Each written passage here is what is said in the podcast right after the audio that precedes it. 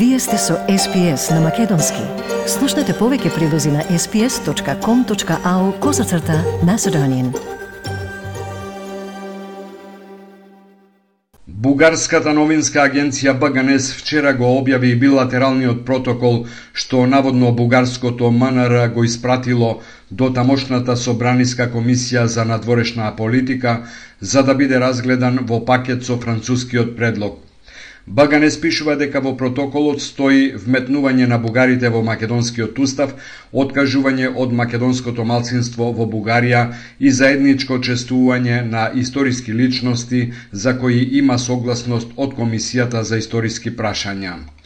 На документот како што пренесува агенцијата се работело на почетокот на јуни. Еден дел бил преглед на досега постигнатото, а вториот за тоа што треба да се направи во иднина. Барањата биле поделени во две фази краткорочни и долгорочни. Бугарија има и дополнителни барања во врска со говорот на омраза, отворање на архивите на тајните служби и рекабилитација на жртвите од комунизмот. Во документот се предвидува и личностите за кои има некаков компромис во заедничката комисија да бидат објавени и прифатени за заеднички прослави. Во нив конкретно е спомнат само цар Самуил, а се предвидува промена на надписите на неговите споменици, како и на тврдината во Охрид, според текстот договорен во Историската комисија. Во исто време Баганес забележува дека во протоколот го нема делот за Гоце Делчев за Илинденското востание или за ВМРО, кои се и најспорни за историчарите од двете страни и се дел од рамковната позиција. Кога за овој документ и за францускиот предлог би дискутирала Собраниската комисија, се уште не е познато, иако најавите беа дека ќе се случи најдоцна до синоќа. Во меѓувреме бугарскиот председател Румен Радев постави нов услов за повлекување на ветото, тоа е при промената на македонскиот устав за која тврди дека веќе е договорена македонските бугари да се впишат како конститутивен народ рамноправен со сите други во државата, а не како малцинство. Радев побара бугарската влада да не се крие зад собранието и да се изјасни за предлогот кој според него е најдоброто нешто што може Бугарија да го добие во моментов. Раде вели дека предлозите на француското председателство за Македонија се најдобрите и најправедните во моментов не само за Бугарија. Иако генерално позитивно се оценува предлогот, дел од бугарската опозиција е против со образложение дека тоа ги покажува националните интереси на Бугарија. Најголемиот проблем им е делот кој предвидува признавање на македонскиот јазик. Македонската влада уште нема официјален коментар на францускиот предлог за македонско-бугарскиот спор. Владата информира само дека се чека усогласување во сите членки на ЕУ. Единствено што постојано го повторува македонската влада е македонскиот јазик мора да биде чист македонски јазик во преговарачката рамка. Нашиот став како влада е дека преговарачката рамка треба да биде мултилатерален документ што содржи рамка за преговарање во однос на пристапување кон ЕУ како организација на држави членки, дека билатералните прашања треба да се решаваат на билатерално ниво, изјави вчера премиерот Димитар Ковачевски во одговор на новинарско прашање дали земјава го има сменето ставот дека нема да прифати билатералните прашања да влезат во преговарачката рамка.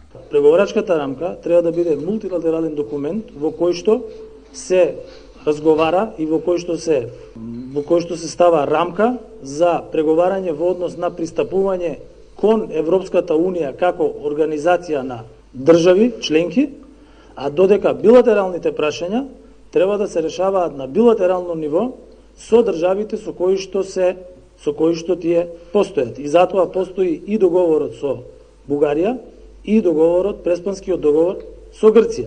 Премиерката на Финска Сана Марин вчера престојуваше во еднодневна работна посета на Македонија. Посредбите со македонскиот премиер и со министрите се одржа заедничка пресконференција на Ковачевски и на Марин. Финската премиерка изрази желба Македонија да ги почне преговорите со Унијата. Позицијата на Финска е многу јасна за ова, сакаме да ве видиме како дел од Европската унија во иднина и сакаме сите да се движиме напред. Во однос на протоколот од бугарското МНР, Ковачевски изјави дека тој се уште не е пристигнат во нашето МНР. Недозволиво е Димитар Ковачевски и Бујар Османи да молчат за францускиот предлог за решавање на бугарскиот спор со Македонија. Со така наречениот француски предлог не се решаваат проблемите на државата, не се почнуваат преговори, туку се дава услов ако сакаме да ги почнеме преговорите. Ова во името на ВМРО ДПМН е на пресконференција го изјави Марија Митева, портпарол на партијата. Со предлогот се задира и во идентитетот и во јазикот, Иако навидум се чини дека јазикот е решен, сепак се остава простор на Бугарија со декларација да го објасни својот поглед на јазикот. Целта на предлогот е сите барања на Бугарија да влезат во рамка на преговори, а имплементацијата на истите да ги следи посебна комисија. Со тоа, проблемот кој до вчера бил со Софија, сега Македонија треба да го има со целата Европска Унија. Ова е дебакал за македонската дипломатија, но каут за нацијата. Партијата Левица бара прекин на преговорите со Бугарија. Повторно повикуваме на итен прекин на преговорите со Бугарија и апелираме и останатите парламентарни партии да излезат со ваков став, во спротивно ќе бидат директни учесници во уште едно национално предавство. Ако Европската Унија не може да го прифати македонскиот народ, јазикот, државата и културата, такви какви што се, тогаш дојдено е време за нова надворешно политичка алтернатива, соопштува Левица. Опозицијата најавува континуирани протести, целосна блокада на парламентот, блокада на патиштата, протести низ градовите, блокада на процедурите на системот, а се разгледуваат и сите опции на граѓанска непослушност. Ова е планот на ВМРО ДПМН е ако владеачката коалиција на СДСМ и на ДУИ и натаму не се согласува да распише предвремени парламентарни избори. Но пред да се радикализираат активностите, партиски тимови на ВМРО ДПМН е летово ќе ги обиколуваат населените места со цел обшта мобилизација на народот против власта, рече портпаролот Димче Арцовски. Ковачевски Ахмети треба јасно да знаат дека граѓаните бараат промена на оваа криминална власт и дека единствено, ама единствено решение се само предвремени парламентарни избори. И нема друго решение.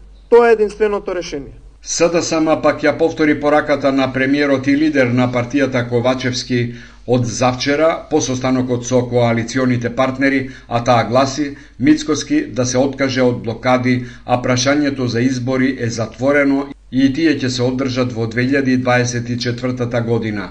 Пратеникот Мартин Костовски рече. Сега, откако темата за парламентарните избори е затворено прашање до 2024 година, Мицковски треба да се откаже од натамошни блокади и обструкции. Ковачевски завчера по средбата со владините партнери, откако го одби Мицкоски за лидерска средба за предвремени избори, не откри детали како точно владата ќе се справува со најавената блокада на опозицијата, но нагласи дека ќе води секојдневен диалог со нејзе во институциите. Сакате ли да чуете повеќе прилози како овој? Слушате подкаст преку Apple Podcasts, Google Podcasts, Spotify или од каде и да ги добивате вашите подкасти.